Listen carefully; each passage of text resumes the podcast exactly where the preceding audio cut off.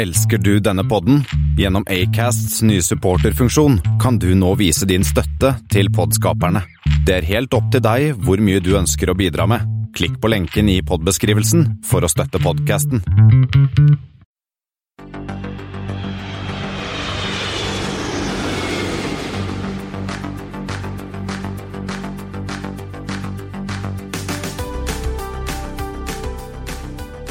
Hei, og velkommen om bord på flight 50 av Flypodden. Det er en halv hundre episoder, Thomas. Tenk det, Christian. 50 stykker, altså. Nå nærmer vi oss eh, Vi har vel egentlig kanskje sånn bursdag og denne ikke neste gang, for jeg tror det var 8. februar i fjor vi slapp første pod. Og det har jo bare gått slag i slag siden. Tenk at vi har klart å holde dette prosjektet gående i ett helt år. Ja, utrolig. Nesten, Vi får nesten feire litt uh, neste gang, da. Uh, det blir jo en liten feiringepisode i dag også. Uh, vi har ikke Espen med oss. Han har tatt vinterferie, men vi har han med på boks. Det har vi, så vi får, skal vel en liten tur innom konkurshjørnet, og litt Økonomen skal få uttale seg om litt Norwegian-tall. Ja, og dette er episode 50, og vi skal snakke om Flight 50. Og det er 50 år siden en ganske kjent flymaskin fløy for første gang. og så Det mye 50-prat i dag. Det er et stykke til jeg blir 50, og du blir enda lenger til du blir 50, Thomas. Det er det, men uh, vi snakker gjerne litt om 50 likevel. Det er mye 50. Uh, Luftwaffe har kjøpt seg nytt VIP-fly, og Norwegian har jo vært ute og, og brent av litt penger. Uh, og vi skal innom Espens konkurshjørne, og det er litt av hvert vi skal innom i dag. Så det er vel bare å sette i gang, Thomas. Det er det absolutt. Og skal vi introdusere oss selv, Kristian? Kristian Kamhaug, vi er fra Asker. Og Thomas Lone, altså i Drammen Er det Mjøndalen, eller hvor er det du er? Thomas? Ja, det er jo Mjøndalen, men vi blir jo snart Drammen her også, så kommunesammenslåing, det blir bra. Men la oss ta en kikk på Flight 50, Thomas, for den er litt spesiell denne gangen. Ja, det finnes jo veldig mange Flight 50-er, men i dag så tenker jeg at uh, av mange grunner så tar vi den eneste Flight 50 som er verdt å snakke om. Eh, også fordi at den, denne flighten ble flydd med en Boeing 747, som nå fyller 50 år. Men det er da altså Pan Am Flight 50. Og det var, det var ikke noen hvilken som helst vanlig flytur, dette, Christian? Nei, etter uh, Pan Am 50 uh, ble gjennomført i 1977, og den fløy bare én eneste gang. Uh, det var en spesialflight i forbindelse med Pan Ams 50-årsjubileum. Og denne flighten gikk altså fra pol til pol. Den passerte både Nordpolen og Sydpolen på sin vei. Ja, og mellom der så var De starter vel i San Francisco. Fløy over Nordpolen, gjorde de ikke det? De startet San Francisco, fløy 11 timer og 16 minutter til London over Nordpolen. Så fjula de igjen i London. Altså, det var med en, en 747 SP, den som het Clipper New Horizon, som vi har snakket om tidligere. Refuela i London, fløy så 11 timer og 6 minutter til Cape Town. Eh, hvor de tok eh, mer fuel om bord, og sikkert litt mat også, for altså, de passasjerene kom jo ikke av, de var jo på dette flyet i hele, hele, turen. Og så fløy de over Sydpolen, eh, fra Cape Town til Auckland, 14 timer og 7 minutter. Hvor de igjen fuelet, og så fløy de tilbake til San Francisco 11 timer og 34 minutter. Det var to og en halv dag brukte de ca. på den turen her, da. Klokker vel inn sånn rask hoderegning en 54 timer, 7 minutter og 12 sekunder på den flighten. ja. 120 passasjerer som var med på denne flighten, de uh, fikk kun ta med seg en eneste carry-on-bag per person. Så altså nok for å ha litt klesskift på denne turen, da. Ja, for de var jo ganske sånn restricta. De, de, de prioriterte fuel, for å si det sånn. Ja, for dette her var jo som sagt en spesialtur. Den kostet uh, var det 2222 dollar i 1977. Det var litt penger, det? Ja, men samtidig som Ja, det var, det var godt med penger, men samtidig så var det første gang der du kunne si hm, menigmann i gata da, hadde mulighet til en sånn tur. Det hadde jo vært et par sånn pol-til-pol-turer før, men det var det var for The Super Rich and Famous. her var det faktisk en del i gåsetegn vanlige folk som, som deltok på denne turen. Ja, og så var det jo for at tiden skulle gå, så hadde de jo moteshow og litt av hvert forskjellig om bord. For det, altså, de gjorde jo ikke annet enn å fly. Eh, men eh, det var ganske spesielt å fly bare først over Nordpolen og så over Sydpolen. Eh, og som du var inne Thomas, så hadde det vært et par andre sånne flighter før. Det var to sånne spesielle charterflighter med en Conway 990. Eh, og så var det noen sånne spesial eh, sånne flighter for, for, for, i forskning. Eh, men eh, visstnok så skal det da være flere mennesker som har vært i verdensrommet, enn som har fløyet over begge polene. Hm. Det setter ting litt i perspektiv.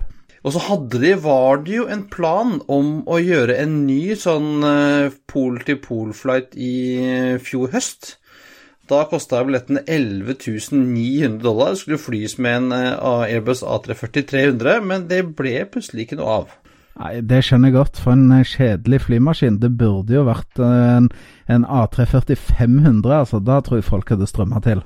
Ja, vi får se. Men altså, vi legger selvfølgelig ut linker til Flight 50. Det er et ganske langt YouTube-klipp også om denne flighten, som vi også selvfølgelig legger ut på flypodden.no. Om noen hadde lyst til å invitere oss på en pol-til-pol-flight, Thomas, hadde vi jo blitt med. Da skulle vi klart å rydde kalenderen, det er jeg helt sikker på. Yes, men eh, vi må videre, for det har jo skjedd litt ting eh, denne uka her òg. Og noe av det mest oppsiktsvekkende som har skjedd, er jo det som vi eh, ikke trodde skulle skje. Eller jo, vi trodde kanskje det, men Bjørn Kjos og, og Skise og disse her har nå vannet ut sine aksjer. Eh, de har rett og slett eh, gått ut og hentet inn penger med, via en emisjon, og øker egenkapitalen i Norwegian med 3 milliarder. Eh, det vil si Jon Fredriksen, DNB og andre har garantert for, for 3 milliarder, men så kan det jo være da at det skjer at, at denne emisjonen blir veldig populær, mange som kjøper, så da bidrar jo de med mindre. Men uh, uansett så vil Kjos og Skise og gjengen havne med en mindre aksjepost i, i forhold til andel av selskapet enn det de hadde før. Så det er jo litt spennende. Ja, skal vi se, skal vi høre hva Espen har å si om dette, kanskje? Han klarte ikke å holde seg unna, så da gjør vi det. Forrige uke så hadde jo vi knapt nok rukket å spille inn sendingen før nyheten kom om at Norwegian eh, måtte ut og hente 3 milliarder kroner. Akkurat det var jo ikke overraskende og var en slags forløsning alle ventet på, i og med at de har jo da ligget farlig nær dette egenkapitalkravet sitt i eh, flere av obligasjonslånene sine. Eh, det som kanskje var litt overrasket, var liksom hvorfor tok det så lang tid? Skulle det kommet før eh, eller ikke? For visstnok så var dette planlagt før jul, men da var Norwegian i forhandlinger med bl.a. IAG, så da tydeligvis hadde kommet ganske langt i dette potensielle oppkjøpet sitt, og ifølge dem selv også fem andre aktører, eller var det 50 sammen. Eh, dette ble jo ikke noe av, og da måtte Norwegian ut og hente penger. Eh, hva eh, og hvem, det gjenstår litt å se. Men det er jo da av disse tre milliarder kronene, så er det jo såkalt garantister. Sånn at Kjos og Kise i deres HBK Invest og et selskap til som de styrer, har garantert at de skal bla opp 400 millioner kroner. Det sier jo seg selv at da vil de faktisk få en redusert eierandel sammenlignet med hva de har i dag. Trolig gå fra en ca. 25 til 20% sånn pluss-minus. Og så har også et selskap som eies av Jon Fredriksen, garantert for 800 millioner kroner. Og et uh, konsortium av DNB og Danske Bank for de resterende 1,8 milliarder kroner. Dette betyr jo ikke at det nødvendigvis er de som investerer, de har egentlig mer tatt på seg garantioppgaven. Så det kan godt være at disse investerer null, eller kan godt at de må ta alt. De får selvsagt betalt for å stille opp som en garantist. Men så er jo da spørsmålet er dette nok for å snu skuta. Eh, gir dem da det pusterommet de trenger for å begynne å tjene penger? Eller blir det sånn nei, til neste år skal vi klare det, og så må de hente penger igjen? Det har vi jo liksom sett flere. Det er alltid stadig til neste år til neste år. Så eh, er det nok, for de trenger jo å øke inntektene, og de må redusere kostnadene. Eh, til nå så har de jo liksom varslet at det blir lavere capex i 2019. De har også et spareprogram eh, Fokus 2019 er det vel det heter. Det er, men det er ikke helt forstått hvordan skal det Eller hva går det ut på? Kanskje vi vet mer senere denne uken, når eh, Q4-tallene deres skal presenteres. Men det blir i hvert fall eh, spennende. Jeg, jeg, tror at dette her er kanskje for å kjøpe seg litt tid til de faktisk får en endelig kjøper på banen. Det er litt mitt tips her. Og vi snakket jo om aksjetips. Eh, jeg ville fortsatt ikke kjøpt Norwegian-aksjen, rett og slett fordi vi vet jo ikke hva emisjonskursen blir. Eh, så man kan risikere å tape store penger, eller man kan faktisk tjene. Det er veldig stort, eh, stor risiko. Men når da, etter emisjonen, kanskje man skal kjøpe for å bare vente på et oppkjøp. Jeg vet ikke, men det kan være et lite tips. Ja, altså øh, Vi snakket, har jo snakket om dette flere ganger nå, at øh, det var behov for penger. Uh, spør du Bjørn Kjos og, og co., så var det aldri noe problem. Det var jo aldri fare for at de ikke skulle klare seg, men altså, de var jo veldig nærme å plutselig gå i og bryte disse vilkårene for, for lånene. Og da om ikke du går Du går jo ikke konk da, men det, det, du må jobbe litt for å endre på vilkårene. Det kan hende at eh, sjansen for at det hadde blitt et ganske mye dyrere lån. Nesten som å låne penger i Bank Norwegian. Ja, det, det er sant. Og, men det er jo litt sånn Norwegian har jo Du kan si hva man vil om ekspansjonen og den eh, prosessen de har vært i i forhold til nye markeder og sånn, men et grunnprodukt til Norwegian, altså flyfolk og de markedene de står i, og alle de flyene de har, det er klart dette her har vært noe. Så eh, jeg er heller aldri bekymra for at om Norwegian skulle trenge cash, så hadde det alltid stått noen klare. Spørsmålet er hva de måtte ofre for å få tak i de pengene. Om det var høy rente, om det var sånn som det ble nå, at uh, eierne må spytte inn mer penger. og så ja, jeg var aldri reelt bekymret for Norwegian, men det var, var, spennende å se hva, hva, hva, neste trekk blir. Nå, nå har vi jo fått fasiten på det, så blir det jo ekstra spennende også da å følge med på um, når emisjonen skal tegnes, i forhold til uh, hvor mye Skis og Kjose og Fredriksen og disse her må ut med til slutt. Det kan jo være at de ikke må ut med en krone, eh, fordi at eh, småsparere og andre storsparere og pensjonsfond og alt eh, blir med i emisjonen. Så det får vi jo se på.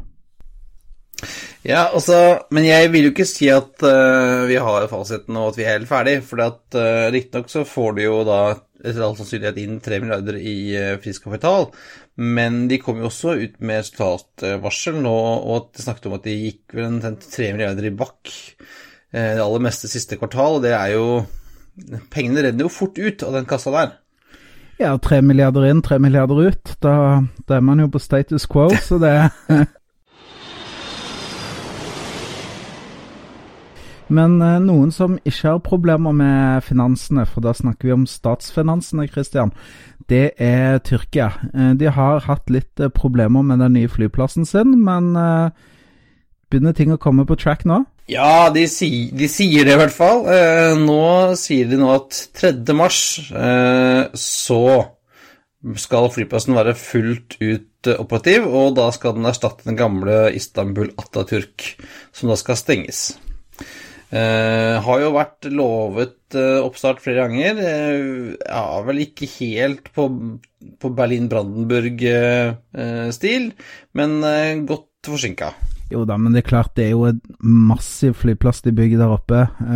litt nordvest for Istanbul, og det er svære dimensjoner. den står vel klar med fire rullebaner nå fra start. Skal kunne utvides til seks. Uh, grunnlaget for å, å håndtere oppimot 200 millioner passasjerer når alle fasene av utbyggingen er ferdig. Eh, ja, Ols begynner vel med en kapasitet på 90 millioner, og det er jo 14 millioner mindre enn Atlanta. Så Atlantas eh, posisjon som verdens mest travle flyplass tror jeg kommer til å ja, kommer vel til å miste den om ikke sant for lenge. Det skal du ikke se bort ifra, i hvert fall hvis du har den veksten som Turkish Airlines legger opp til. De har jo på en måte, føler jeg da, kanskje tatt over litt av momentet som disse tre i Midtøsten hadde. Qatar humper går, Etiad står med en halv fot i graven, er kanskje litt å overdrive, men Emirates de tuter og kjører som de alltid gjør. Der går ting litt sånn på det rake, men jeg føler Turkish Airlines har virkelig meldt seg på. og Eh, jeg elsker å fly Turkish, har gjort det et par ganger. Eh, flydd de langt. Um, og eneste ankepunktet mitt med å fly Turkish Airlines har jo vært Istanbul Airport. Den, når alle bankene med fly kom inn der, alle bølgene Alle flyene skal lande og ta av igjen to og en halv time etterpå. Det blir så kaos i disse sikkerhetskontrollene og you name it. Så Eh, ja, jeg tror, jeg tror, det blir veldig bra for Turkish Airlines, og eh, veldig bra når det, dette her uh, kommer i gang i forhåpentligvis da i mars. Ja, jeg gleder meg. Jeg skal via der i august, så da tenker jeg at da har de fått unna alle barnesykdommene, og da er de fullt ut operative. Så det blir bra. Det blir det absolutt. Jeg har lyst til å snakke litt om eh, noen andre som humper og går. Air Belgium, Christian. Skal vi eh, ta oss en liten sveip innom de? Og det er lenge siden vi har hatt Air Belgium-nyheter. Ja, det er det. Det begynner å bli noen uker siden, eh, kanskje et par måneder siden. Men de har jo flydd litt wetleys i det siste, fått smaken på det. Så de har bl.a. flydd for BA, og det er tydeligvis at BA var sikkert ikke så halvgalt fornøyd med det fordi at de har fått en eh, kontrakt, en ny kontrakt nå for at de skal fly fra 1.4 til 8.6. Da skal de operere BA 184-185, som går mellom Heathrow og Newark. Eh, så det ble spennende. Og så leste jeg også her vel at de faktisk nå eh, eh, At de skal oppta disse Brussel-Charlie Oi til Hongkong-flyvningene. Eh, på eget eh, for egen maskin, holdt jeg på å si. Okay. Uh, ja, det leste jeg her bare nå Om det var i dag jeg bare så vidt så det et eller annet sted, så tenkte jeg oi, det må jeg lese mer om. Uh, men de Det sto i hvert fall at i løpet av 19 og her på vårparten så skulle de selv begynne å fly til Hongkong igjen. Så løpet, Christian, er kanskje ikke helt kjørt for at vi får flydd fra Charlotte til Hongkong. Ja, vi får se, vi får se. Eh, jeg dukket opp en annen eh, A340-operatør denne den uken her, som ikke jeg var borti før, som heter Athens Spirit. Det ringer ingen bjeller hos meg. Nei, et nytt gresk flyselskap som skal fly eh, eh, trommevirvel, eh, to Airbus A340 og fire A319. Uh. På, på, ruter innen, innen, i Hellas og til og fra Hellas, påstår de. Så ok det, Jeg vet ikke helt hvor bra det kommer til å bli.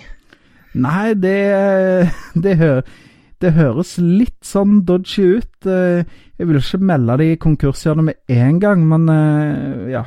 Jeg skal nå ønske å se at de får litt vind under vingene før jeg har troen på dette her, altså. Ja, altså bak det selskapet så står en som heter Dimitris Vasilios Doriasas. Eh, som eh, har eh, 16 års arbeidserfaring fra Olympic Airways, og det gikk jo bra. eh, og så var han også med å starte et selskap som het Sky Grease for noen år siden, som hadde én eneste Boeing 767 som de fløy mellom Toronto og Aten. Eh, Fins jo heller ikke lenger, dette selskapet. Men vi, vi, får se. Dette Alltid gøy med nye, nye som vil starte som flyselskap. Ja, vi heier på alle som starter nye flyselskap. Vi bare også innlegger en liten sånn sunn porsjon med skepsis uh, iblanda den heiingen.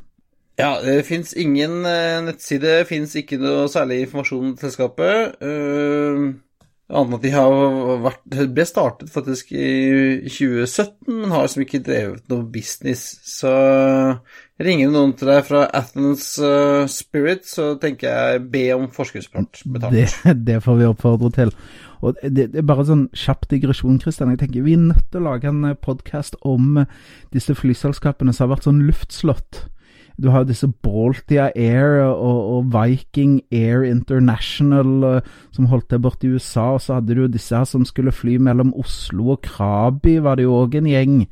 Dette... Ja, ja, ja. Det er masse sånne uh, smartinger som har prøvd seg. Ja, nei, det får bli en annen, en, en annen pod.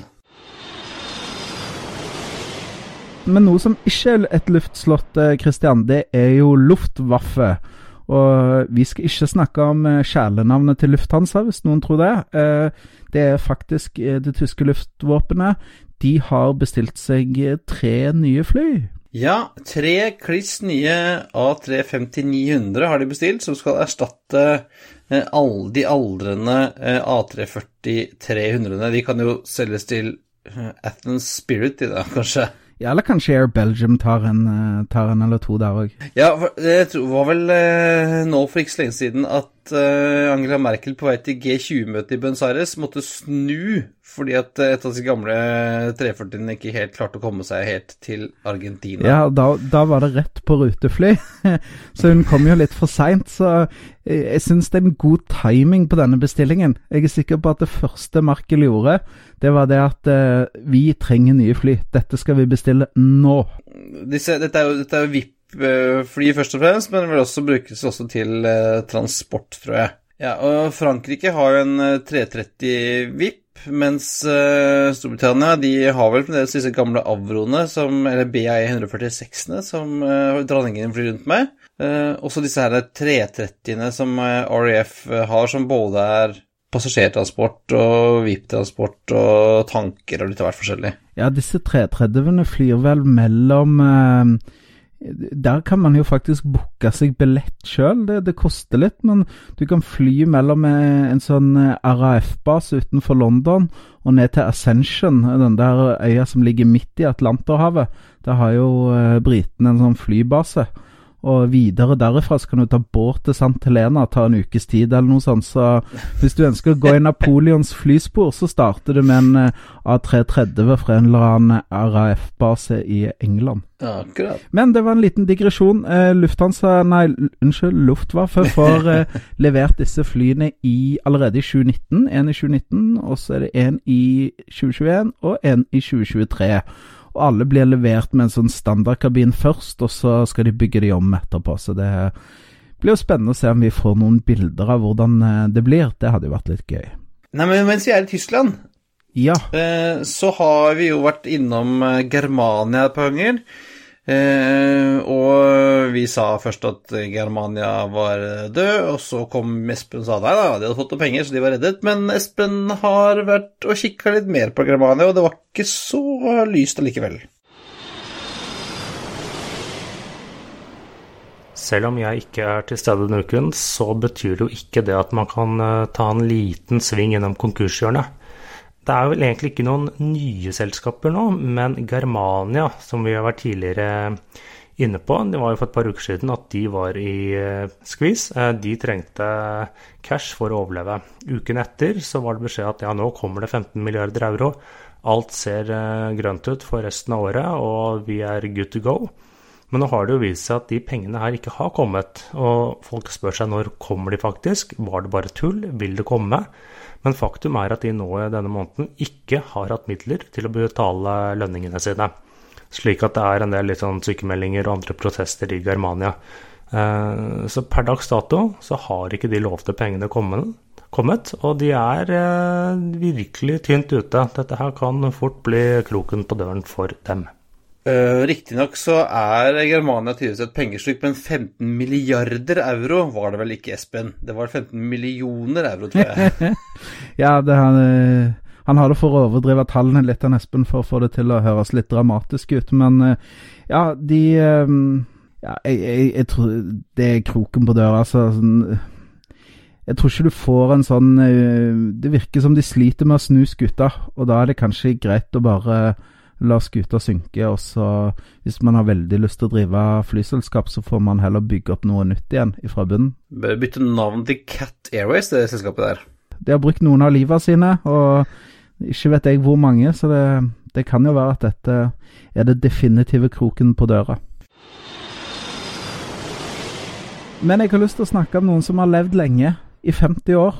Ukens tema i dag. Å oh, ja.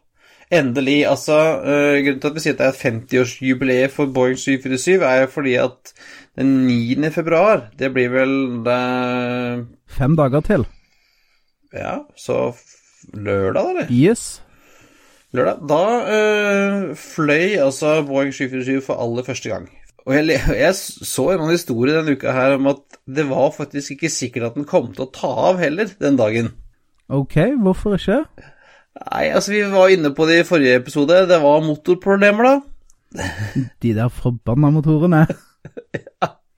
Nei, så han uh, Joe Sutter, han uh, sjefdesigneren, uh, skrev i sted i den boka si som heter 747, som jeg ikke har lest, men som visstnok skal være veldig bra, blir anbefalt. Den kan man jo plukke opp på Amazon, f.eks. Uh, så sa han at han var liksom litt usikker på om den helt tatt kom til å fly, og de, sende, de sendte den jo også til Paris Airshow i juni 1969, og da var det sånn ja, Kommer han dit, eller kommer han ikke dit? Ah, vet ikke helt. ja, det er vel eh, godt betalt, det å være sånn testpilot, så eh, det må være litt av en jobb.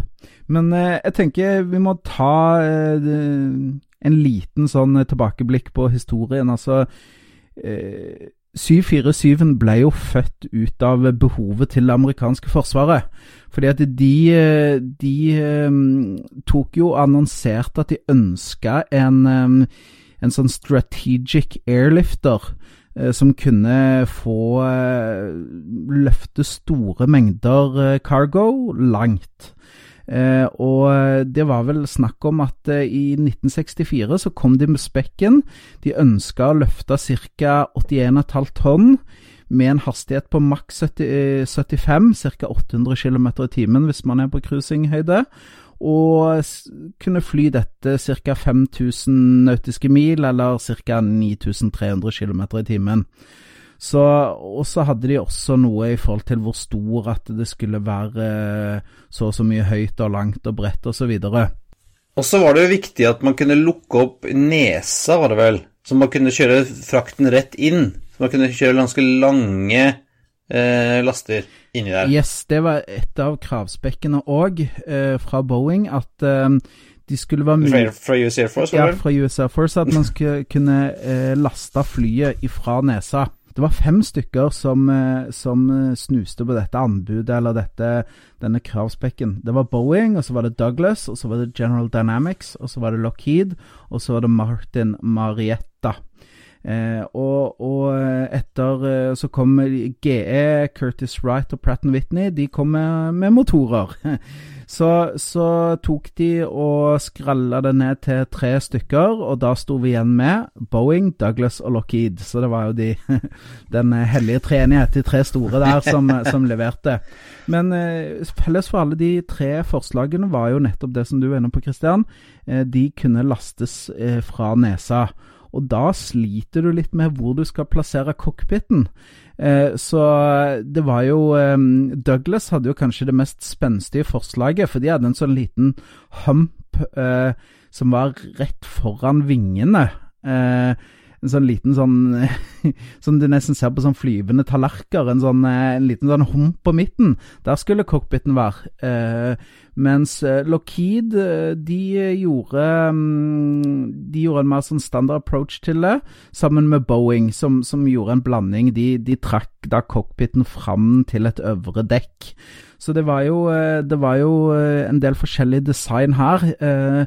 Dessverre, eller kanskje heldigvis for Boeing, hvem vet? Heldigvis, vil jeg si. Ja, kanskje. Så tapte Boeing dette, denne anbudet, eller forespørselen fra US Air Force. For det ble Lockheed sitt design som ble valgt. En eh, C5 Galaxy, som vel ofte er å se på Værnes i forbindelse med Nato-øvelser yes, fremdeles. stemmer. Jeg synes det, Nå er ikke jeg veldig interessert i militærfly, men jeg syns den C5 Galaxyen, den er flott med at den har ja, fet, altså. At den har sånn eh, vinger festa høyt på skroget. Nesten som en sånn forvokst dashmaskin, så du har klinka et stort skrog og fire etmotorer på. Fantastisk flott maskin. Men um, Boeing ble jo sittende igjen med skjegg i postkassen da og tenkte hva skal vi gjøre nå? Så, så kom eh, våre venner eh, i Pan Am til Boeing, Juan Trippe. Ja, Trippe. Han eh, kom med sjekkhefte og sa at 'jeg skal ha verdens største fly', sa han. Ja, mer spesifikt så Mer eller mindre. Ja, han sa han skulle ha dobbelt så stort som en 707. Og en 707 tok vel en 100 kanskje 50-60 passasjerer. Så vi snakket i hvert fall over 300 passasjerer. Og bakgrunnen av dette var da som nå. Det var rush på flyplassene.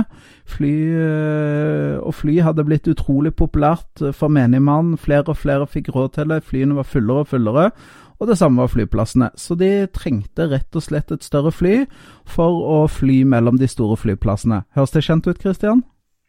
Det høres ut som noe som de fant på i Toulouse noen uh, tiår seinere. Helt riktig. Så, så uh, I 1965 så flytta Joe Sutter da fra 737-programmet over til uh, det som da skulle bli 747. Og um, da tok de utgangspunkt i det arbeidet de hadde gjort for US Airways. Uh, tok og Eller US Air Force, kanskje? Unnskyld, surrer grådig i dag. US Airways, US Air Force. Ja, US Air Force. Og, um, og lagde da passasjerversjon av det konseptflyet, da. De var jo også inne på en sånn uh, dobbeltdekkversjon som ligner jo litt på A380-en, faktisk. Det var de også inne på, ja. Men uh, i april eh, i 1966, da, på hold deg fast 50-årsdagen til Boeing, så bestilte Pan 25 stykker av 747-100. Og eh, som han eh, Juan Trippe sa, han, eh, han tenkte det at Hans sitat er at The 747 will be a great weapon for peace, competing with intercontinental missiles for mankind's destiny. Så det var store, det var store Intet mindre. Yes, helt riktig. Så, og det som er litt unikt med Panam sin rolle i 747-programmet, er jo det at verken før eller senere så har et flyselskap fått diktere eh, design og utviklingen av en flymodell. Altså, Du kan nesten si at 747 ble skreddersydd til en viss grad til Panam sine behov. Og det har jo vært en suksess siden. Det, Boeing frykta jo altså Boeing hadde egentlig Grunnen til at de bygde 747-en eh, sånn som de gjorde, var jo fordi at de frykta eh, at framtiden lå i supersonisk reise. Ja, det stemmer det, og det var jo det, man trodde jo at, dette, at 747 ble en sånn mellomstasjon, egentlig, før SST-en eh, kom i trafikk. Og jeg hørte her en dag at uh, det var jo sånn at alle, alle ingeniørene i Boeing ville jo jobbe på SST-programmet. De, altså, de, ville jo ikke jobbe på 747-programmet. Så han stakkars Joe Sutter han fikk jo liksom bare the rejects fra SST-programmet. ja, og, og, litt av tanken til Boeing når de bygde 747-en med de størrelsene det var, var at det skulle vært plass til eh, to shippingcontainere i bredden og to i høyden. Og tre eller fire i, i holdt jeg på å si, bakover i skroget. Fordi de så for seg ettersom eh, supersonisk transport overtok, så ville 747-ene bli brukt til pakker og containere. Eh, så da var det viktig da at, eh, at maskinen var spekka sånn at eh, pakker har ikke behov for å fly eh, supersonisk. Så der vil, tenkte de at behovet og, og nytten for 747 ville ligge eh, egentlig ganske kort i framtiden. Så ville den bli fasa ut og være en sånn mellomstasjon, da. Og, og supersoniske eh, flyreiser ville ta av. Men eh, det gjorde de jo ikke. Eh, SST, eh, Boeings SST, den som het Boeing 2707, ble jo aldri bygd. Det ble jo bare en sånn svær mockup i tre, tror jeg så langt den kom. Eh, mens 747 ble jo bygget i over 1500 eksemplarer. Bygges, bygges jo fremdeles 50 år etterpå. Det gjør det, og, og, um, og det som er litt, eh, også litt eh, morsomt, syns jeg, da, det er jo det at f.eks. 747-100, som, som starta da i 1969 den gikk jo faktisk i lufta. Eh, fløy vanlig, regulær rutetrafikk for Iran Air fram til 2014. Det er bare fem år siden de pensjonerte den, eh, Christian. Det er jo helt utrolig, ja. egentlig, at, eh, at, eh, de har holdt den i lufta i, i var ikke akkurat den maskinen i 45 år, da, men, men ja, i hvert fall nærmere 40 år. Altså, det er Det sier litt om eh, hvilken suksess den maskinen har vært. Samme med 200. Den også Iran Air, selvfølgelig hadde den òg. Og den Altså, de har, har, jo ikke så mye annet, stakkar. Nei, og den ble jo pensjonert i mai 2016. Eh, det var da 36 år etter han ble levert. Så disse maskinene her har jo eh, De har virkelig levert, altså. eh, Fantastiske maskiner som både passasjerene og, og flyselskapene har funnet god, god økonomi i, i lange tider. Har du fløyet 747, Thomas?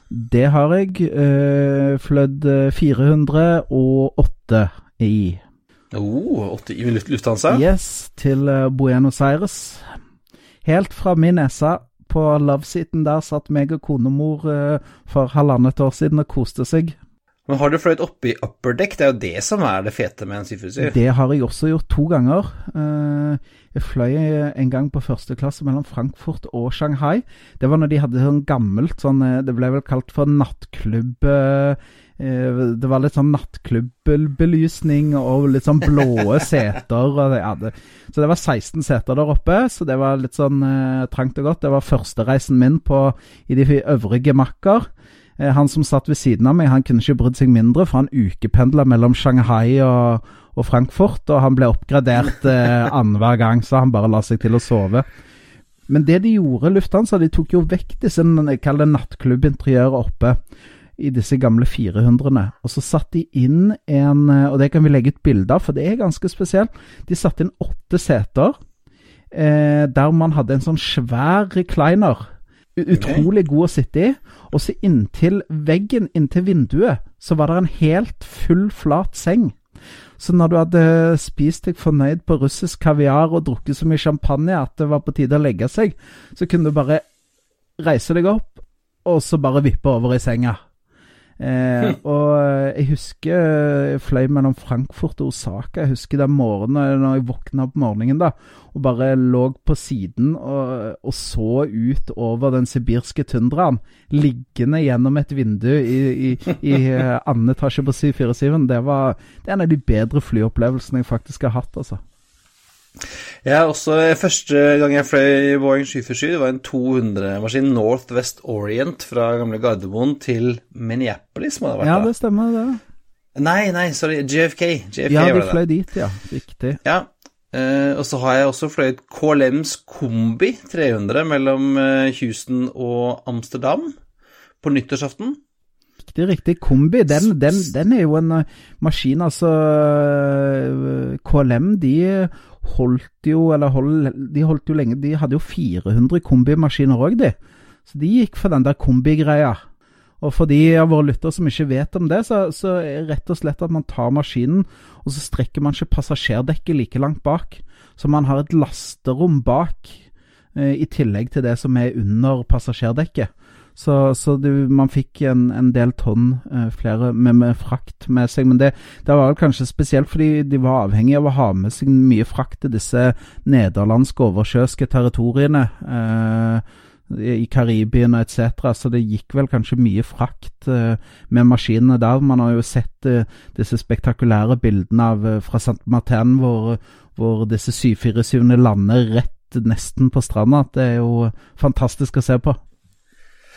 Jeg har også fløyet i upper deck, faktisk, eh, men eh, på economy class. Ja, riktig. Eh, det var vel noen som hadde economy oppe òg, ja.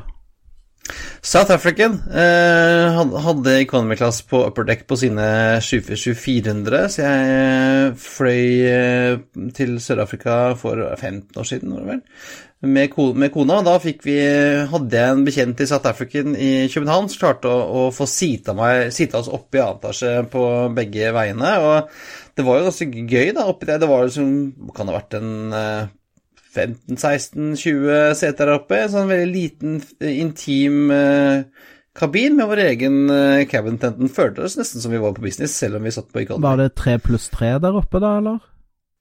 Eh, ja, eller var det enda mindre? Var det to pluss to?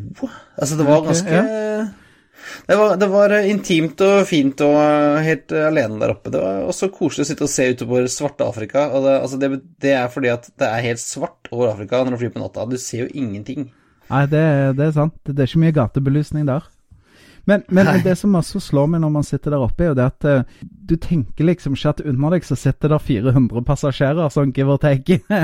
så man, man får litt sånn privatjetfølelse, så- ja, nesten.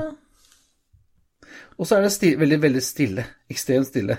Det er helt sant. Så det, nei, det er et fantastisk, eh, fantastisk flott fly. Nå, eh, hvis vi skal se litt eh, Nå har vi snakka mye historisk, Christian, men hvis vi skal se litt på en måte hvor er 747-en i dag, så er det jo det som du sier, den bygges ennå. 7478. Eh, det har jo ikke vært en sånn super salgssuksess for Boeing. Eh, Nei, har de solgt uh, Nå er den 130 747-8-er. Ja, 150. Eh, og det er mye de kaller vanlige eh, menigheten, kan man si det. Den, the hardcore customer som kjøper den. Uh, det er jo Lufthansa er jo den eh, som har tatt disse her passasjerversjonen, uh, trykka den til sitt bryst. og Air China og Korean. Det stemmer. Når det gjelder den fraktversjonen som det har gått mest av, per i dag så er statusen at det er 103 ordre, enten som er i bestilling eller har blitt levert for fraktversjonen. Og så er det 47 for passasjerversjonen. Så det er jo et ganske sjeldent fly å fly, da. Så jeg er litt fornøyd med at jeg har fått flydd den to ganger. Um, men for fraktversjonen så er det vel Cargolux som faktisk er en av de største bestillerne der. Og så disse Atlas Og, og UPS, ja, da, ikke minst. Ja, riktig. Stemmer. Så, så fraktversjonen har solgt litt bedre, dobbelt så mye faktisk, eh, som passasjerversjonen.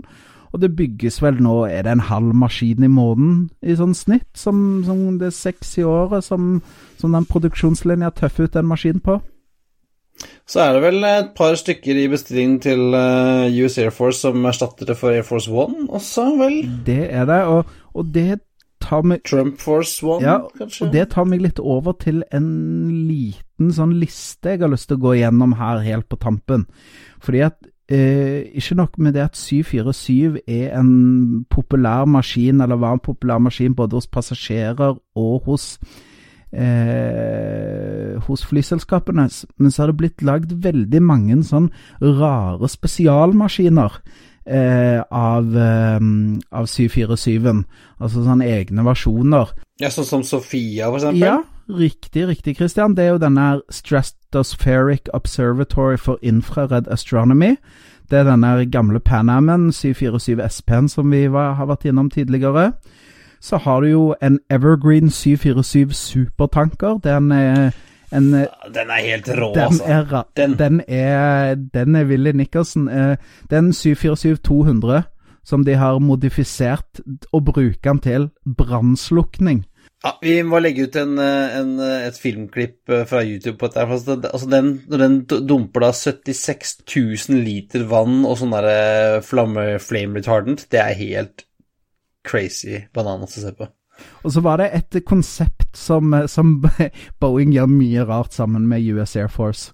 Og de, de, de, skulle lage noe som heter 747 AAC, som står for Airborne Aircraft Carrier.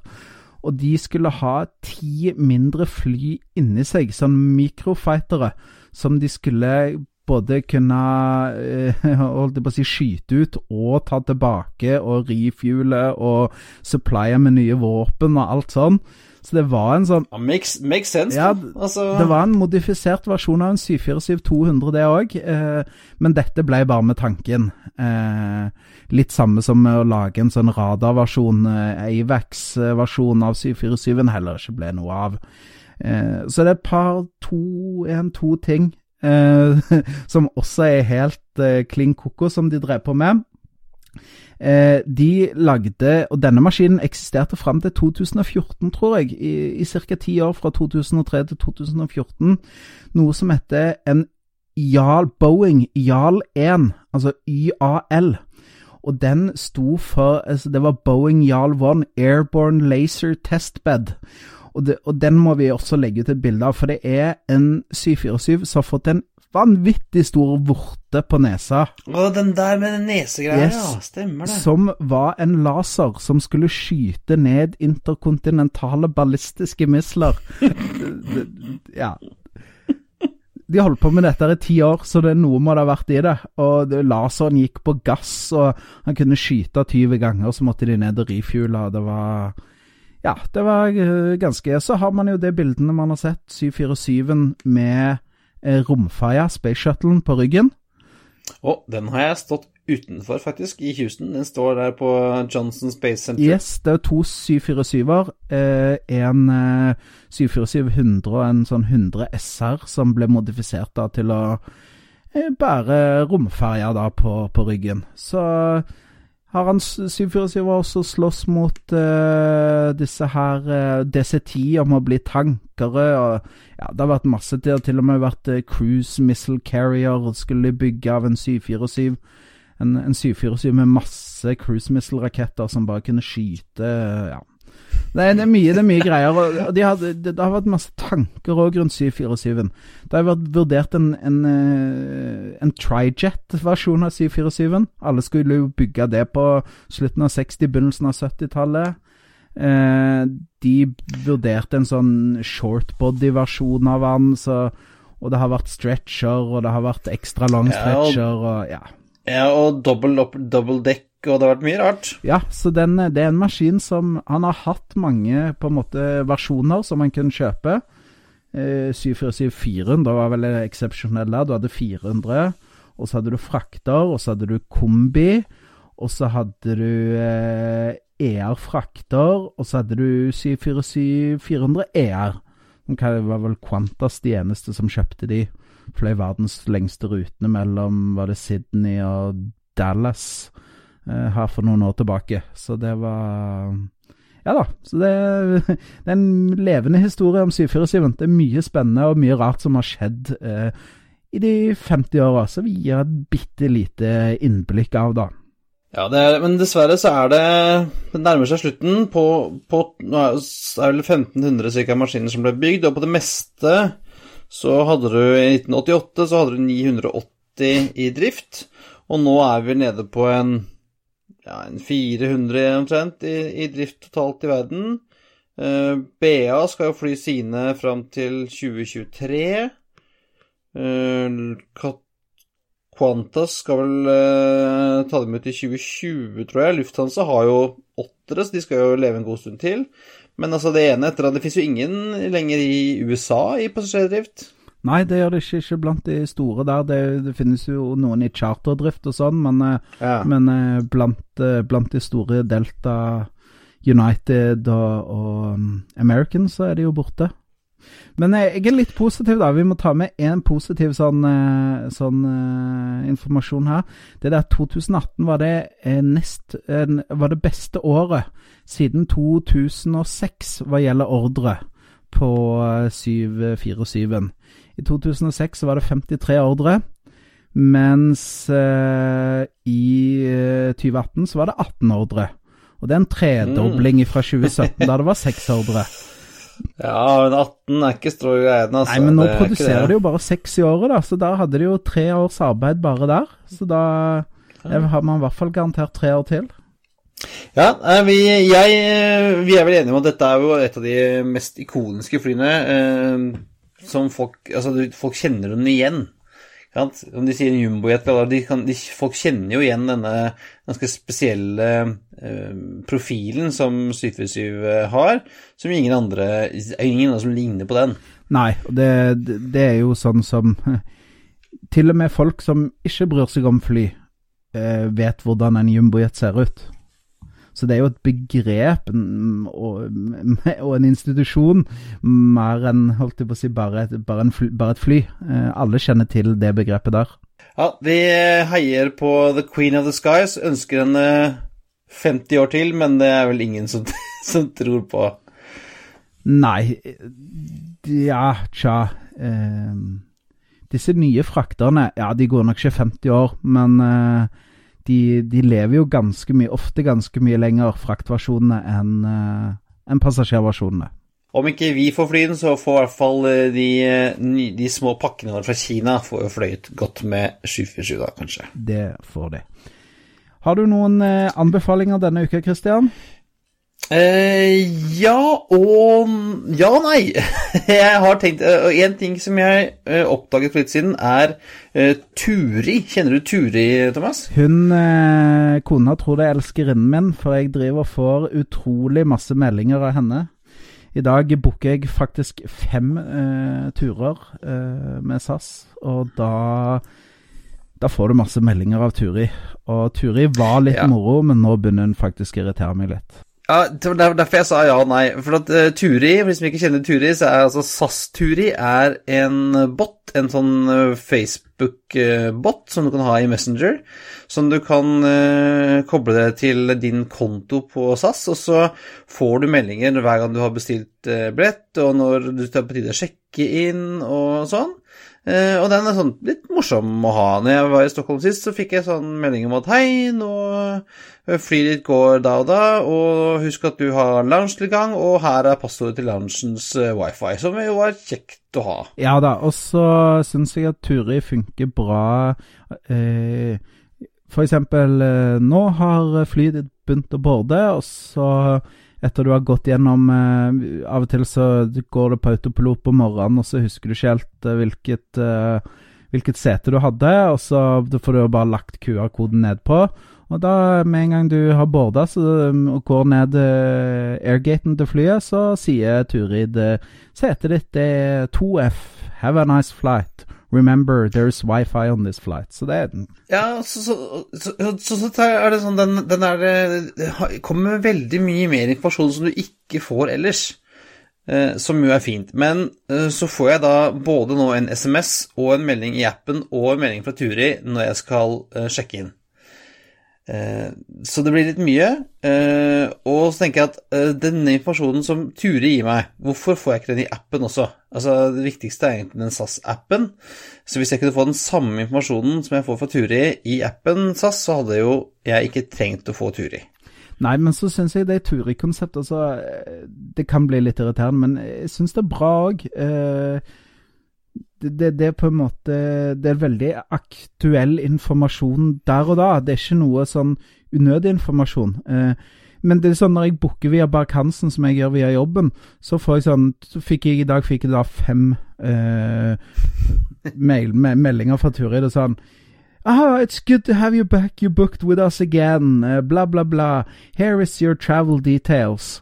Og der står det liksom, får jeg det sånn, men, men tydeligvis er ikke det beregna for bruk gjennom reisebyrå, fordi at det, står liksom prisen er null, og du får liksom ikke med alt, så det funker sikkert bra hvis du booker SAS. Så, så det skulle vært mulig for Turi å skrive sånn Hello, hello Turi, I don't want to receive any booking confirmations. Og så svarte hun Yes, I have noted that. Og så hadde det vært fint. Ja, altså, men jeg synes det er jo gøy eh, Blant annet så bruker de også Turis lokasjonsdata. For når jeg satt i loungen, så fikk jeg beskjed om at eh, det går, er tre minutter å gå til gaten din. Så det er jo fine ting å få. Eh, men altså, det fins veldig, veldig mye informasjon, veldig mye data. Det er så jeg satt og jobba med dette i SAS også for ti år siden. Så satt vi, vi har jo all den dataen. Vi vet jo informasjonen. Vi vet jo hvilken gate du har, vi vet jo hvor du skal sitte, vi vet jo hvilket bånd bagasjen din kommer på. Men det var det å få alt inn eh, og ut til kunden, da. Så det kan hende at de har eh, fått til noe med Turi. Så hvis ikke du har prøvd Turi ennå, så anbefaler vi vel å teste Turi, i hvert fall. Test ut Turi, eh, men i beskjedne mengder, for hun kan bli litt irriterende. Men eh, skal vi sette strek der, Kristian, for den 50. episoden? 50. podkasten?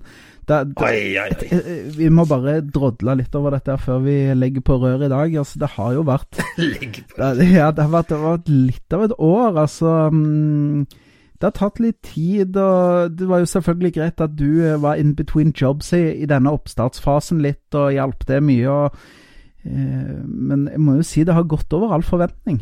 Altså, vi har jo fått uh, altså, Vi har hatt Hans-Wilhelm Steinfeld som gjest, og vi har vært og snakka med ruteutviklerne på OSL, og vi har vært og traska rundt og sparka i en, eh, en frakter, noen frakterhjul sammen med, uh, sammen med Martin. Altså, det har vært eh, litt Det har vært et Og vi år. har, led, og vi har leda debatt eh, Ja, sammen med hele topptunge Luftfarts-Norge fra ja. Så det er jo mye, og, og, det, og det er jo litt morsomt, da, fordi det, det må vi jo skryte til veldig mange i bransjen i forhold til den mottakelsen vi får.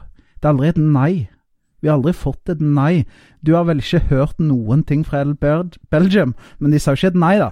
De bare Nei, de sa ikke nei, de bare overså oss glatt når vi prøvde å si at eh, hei, hva med å gi oss en par gratisbilletter, så vi kan teste ut det flyskapet deres før det går konk? Var ikke det vi sa, da, men Ja. det var litt liksom kunne det leses mellom linjene, men, men eh, vi kunne jo Altså, nå er dette dessverre ikke our daytime jobs. Eh, Jeg er sikker på at eh, hadde vi kunnet jobbet med dette her åtte timer hver dag, så kunne dette blitt Vi får jo åpne dører hvor som helst. Det er egentlig bare litt oss og vår tid det står på. Så um, det får bli en oppfordring til å støtte oss via Patrion og eller uh, Vips. Uh, søk etter Flypodden der, så finner du oss. Eller uh, hvis du vil uh, ha en annonsekampanje. Har, vi har jo hatt annonsører tidligere som har vært eh, sikkert sånn passe fornøyd, i hvert fall. Men eh, vi blir jo ikke rike av podkaster. Nei, vi dekker de løpende utgiftene akkurat nå. Ja, så vidt. Yes, men da setter vi en strek. Da har vi tatt uh, og sett litt tilbake på året som var. Uh, dette var alt for denne gang. Uh, det er på tide å feste sikkerhetsbeltene, rette opp setet og sik sikre fri sikt ut av vinduet ettersom Flight 50 går inn for landing. Hører du denne podkasten på en PC, så må du lukke den og legge den i bagasjen i hattehylla. Som vanlig så finner du linker til det vi har snakket om i dag på flypodden.no. Du finner oss også på Facebook, på Twitter og Instagram. Bare søk etter Flypodden i de kanalene. Har du et spørsmål, vil du invitere oss på en flytur, ønsker du å sponse oss, er det generelle spørsmål om tema, har du forslag til tema, ta kontakt. Eh, da sender du oss en e-post til hallo at flypodden.no. Ha en fin dag. We thank you for flying with us today. We truly appreciate your business and look forward to serving you on a future flight.